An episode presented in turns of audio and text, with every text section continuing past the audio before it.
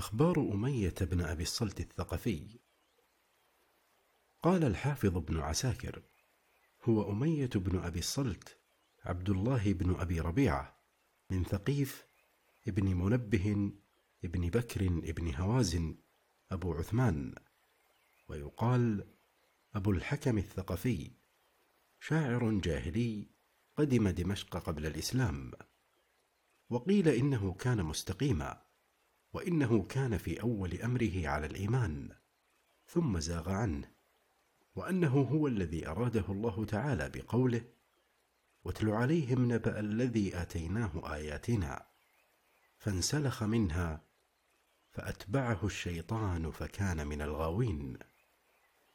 قال الزبير بن بكار فولدت رقية بنت عبد شمس ابن عبد مناف أمية الشاعر ابن أبي الصلت واسم أبي الصلت ربيعة بن وهب ابن علاج ابن أبي سلمة بن ثقيف وقال غيره كان أبوه من الشعراء المشهورين بالطائف وكان أمية أشعرهم. عن معاوية بن أبي سفيان عن أبيه قال خرجت أنا وأمية بن أبي الصلت الثقفي تجارا إلى الشام فكلما نزلنا منزلا أخذ أمية سفرا له يقرأه علينا. فكنا كذلك حتى نزلنا قرية من قرى النصارى. فجاءوه وأكرموه وأهدوا له وذهب معهم إلى بيوتهم ثم رجع في وسط النهار فطرح ثوبيه وأخذ ثوبين له أسودين فلبسهما وقال لي هل لك يا أبا سفيان في عالم من علماء النصارى؟ إليه يتناهى علم الكتاب تسأله قلت لا إرب لي فيه. والله لئن حدثني بما أحب لا أثق به ولئن حدثني بما أكره لأجدن منه. قال فذهب وخلفه شيخ من النصارى فدخل علي فقال ما يمنعك أن تذهب إلى هذا الشيخ؟ قلت لست على دينه. قال وإن؟ فإنك تسمع منه عجبا وتراه. ثم قال لي أثقفي أنت؟ قلت لا ولكن قرشي. قال فما يمنعك من الشيخ؟ فوالله إنه ليحبكم ويوصي بكم. قال فخرج من عندنا ومكث أمية عندهم حتى جاءنا بعد هدأة من الليل فطرح ثوبيه ثم انجدل على فراشه. فوالله ما نام ولا قام حتى أصبح كئيبا حزينا ساقطا غبوقه على صبوحه.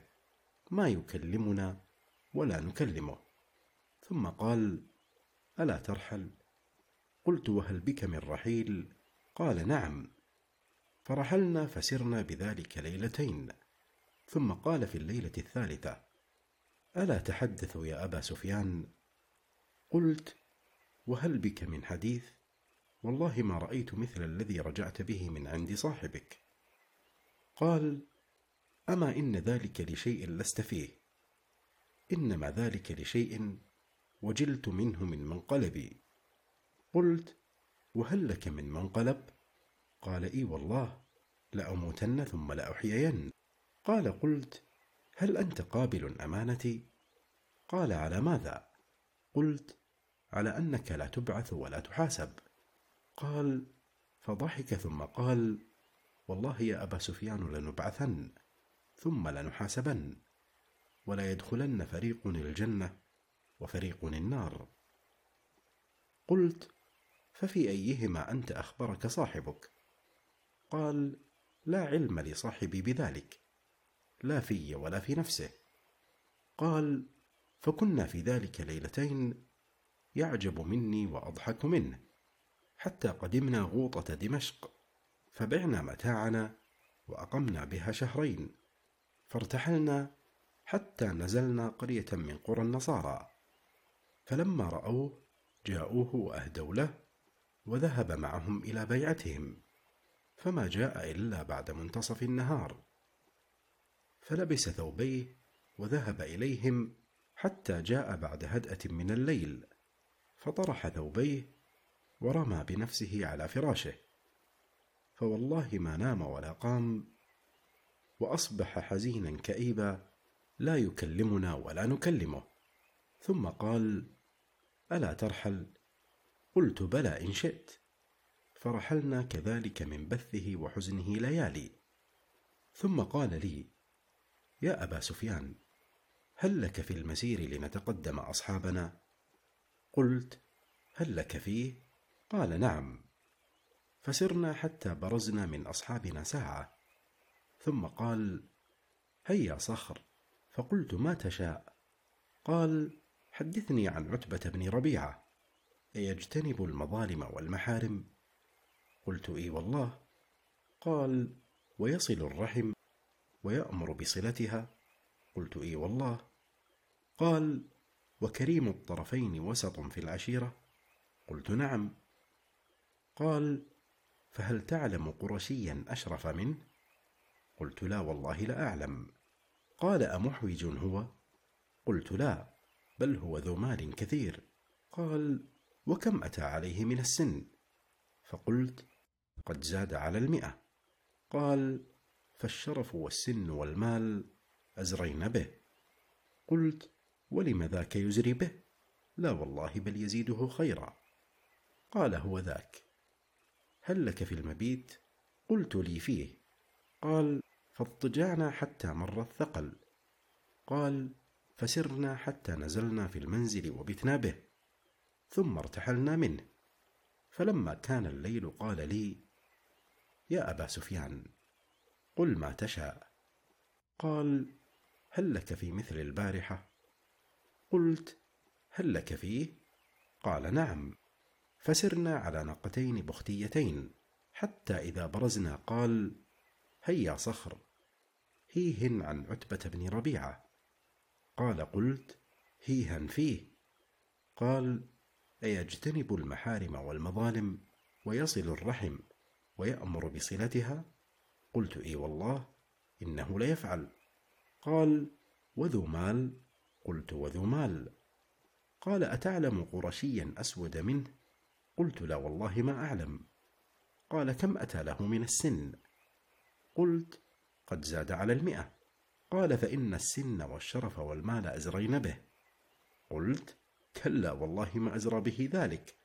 وأنت قائل شيئا فقله قال لا تذكر حديثي يأتي منه ما هو آت.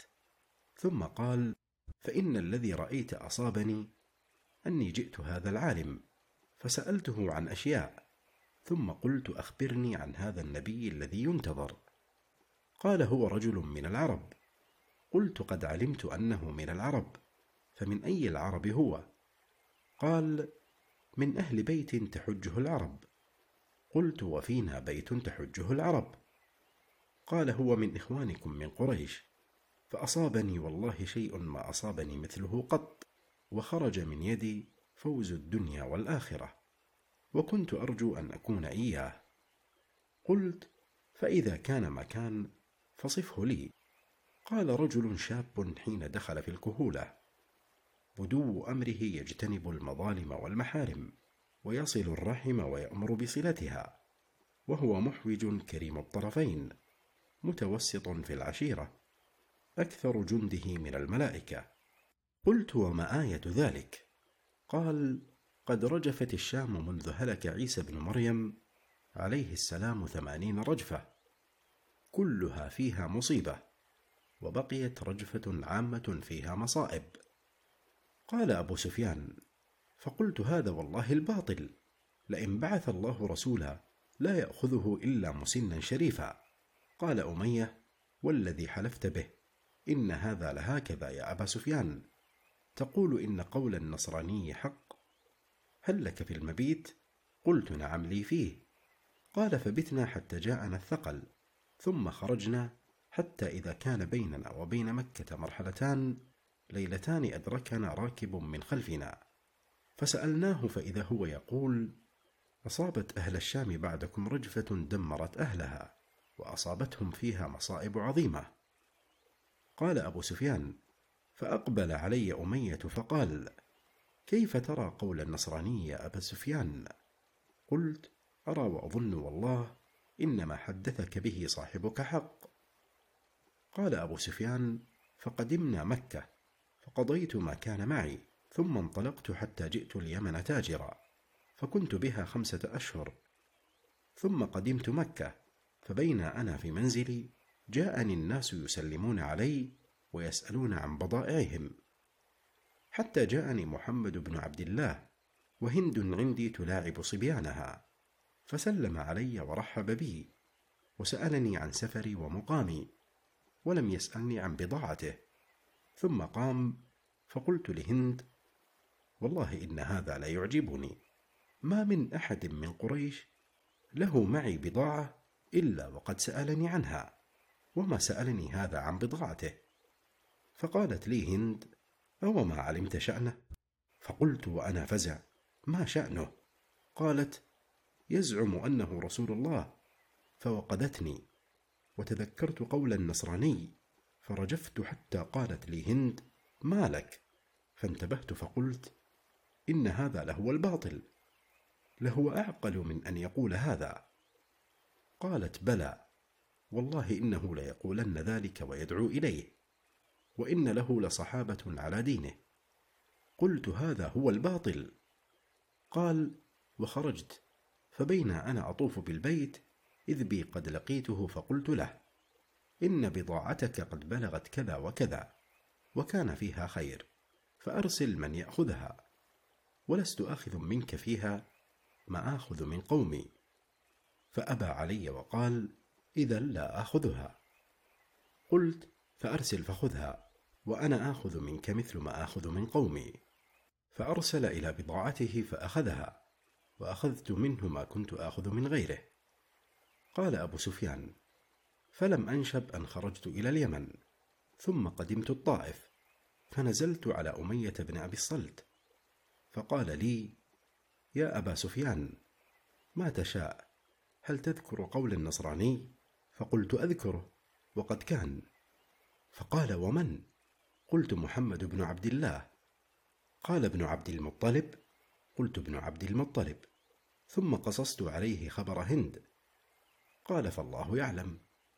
وأخذ يتصبب عرقا.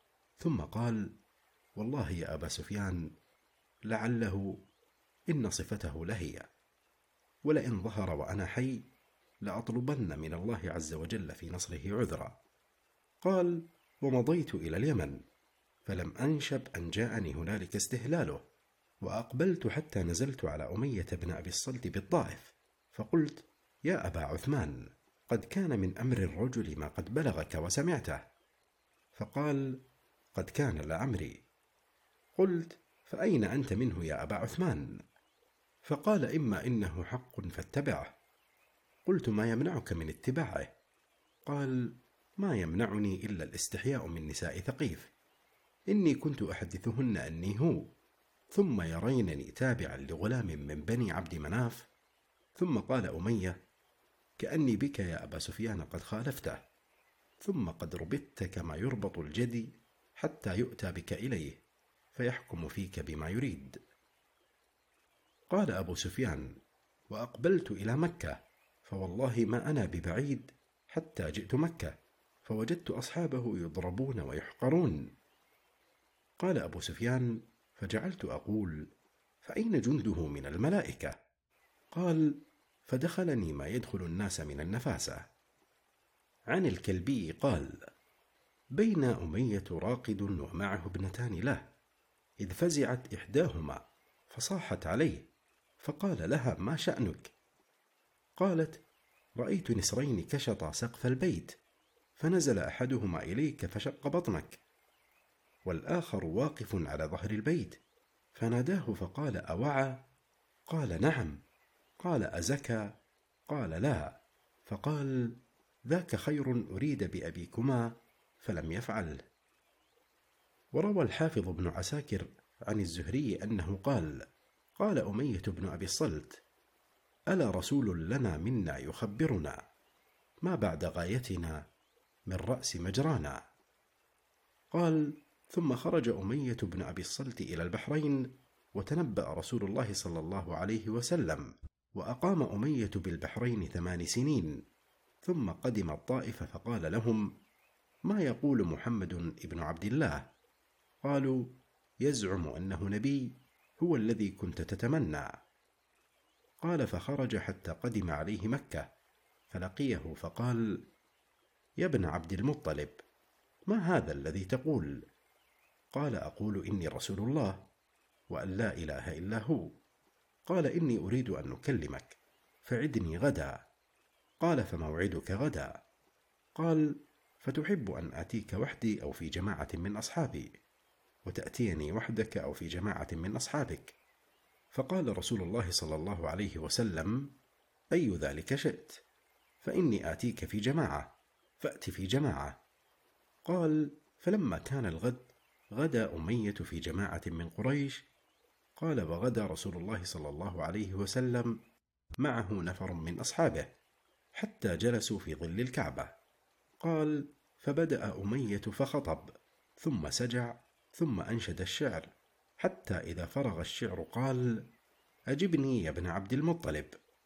فقال رسول الله صلى الله عليه وسلم بسم الله الرحمن الرحيم ياسين. والقرآن الحكيم حتى إذا فرغ منها وثب أمية يجر رجليه. قال فتبعته قريش يقولون ما تقول يا أمية؟ قال أشهد أنه على الحق. فقالوا هل تتبعه؟ قال حتى أنظر في أمره. قال ثم خرج أمية إلى الشام وقدم رسول الله صلى الله عليه وسلم المدينة. فلما قتل أهل بدر قدم أمية من الشام حتى نزل بدرا ثم ترحل يريد رسول الله صلى الله عليه وسلم. فقال قائل يا أبا الصلت ما تريد؟ قال أريد محمدا. قال وما تصنع؟ قال أؤمن به وألقي إليه مقاليد هذا الأمر. قال أتدري من في القليب؟ قال لا. قال فيه عتبة بن ربيعة وشيبة بن ربيعة وهما ابنا خالك. وأمه ربيعة بنت عبد شمس. قال فجدع أذني ناقته وقطع ذنبها ثم وقف على القليب يقول ماذا ببدر فالعقنقلي من مرازبة جحاجح؟ ثم رجع إلى مكة والطائف وترك الإسلام. وقد ذكر السهيلي في كتابه التعريف والإعلام أن أمية بن أبي الصلت أول من قال باسمك اللهم وذكر عند ذلك قصة غريبة وهو أنهم خرجوا في جماعة من قريش في سفر فيهم حرب بن أمية والد أبي سفيان. قال فمروا في مسيرهم بحية فقتلوها. فلما أمسوا جاءتهم امرأة من الجن فعاتبتهم في قتل تلك الحية ومعها قضيب فضربت به الأرض ضربة نفرت الإبل عن آخرها فذهبت وشردت كل مذهب. وقاموا فلم يزالوا في طلبها حتى ردوها. فلما اجتمعوا جاءتهم أيضا فضربت الأرض بقضيبها فنفرت الإبل فذهبوا في طلبها. فلما أعياهم ذلك قالوا والله هل عندك لما نحن فيه من مخرج؟ فقال لا والله ولكن سأنظر في ذلك. قال فساروا في تلك المحلة لعلهم يجدوا أحدا يسألونه عما قد حل بهم من العناء. إذا نار تلوح على بعد فجاءوها فإذا شيخ على باب خيمة يوقد نارا. وإذا هو من الجان في غاية الضآلة والدمامة. فسلموا عليه فسألهم عما هم فيه. فقال إذا جاءتكم فقل باسمك اللهم فإنها تهرب. فلما اجتمعوا وجاءتهم الثالثة والرابعة قال في وجهها أمية باسمك اللهم. فشردت ولم يقر لها قرار. لكن عدت الجن على حرب بن أمية فقتلوه بتلك الحية فقبره أصحابه هنالك حيث لا جار ولا دار. ففي ذلك يقول الجان وقبر حرب بمكان قفر وليس قرب قبر حرب قبر.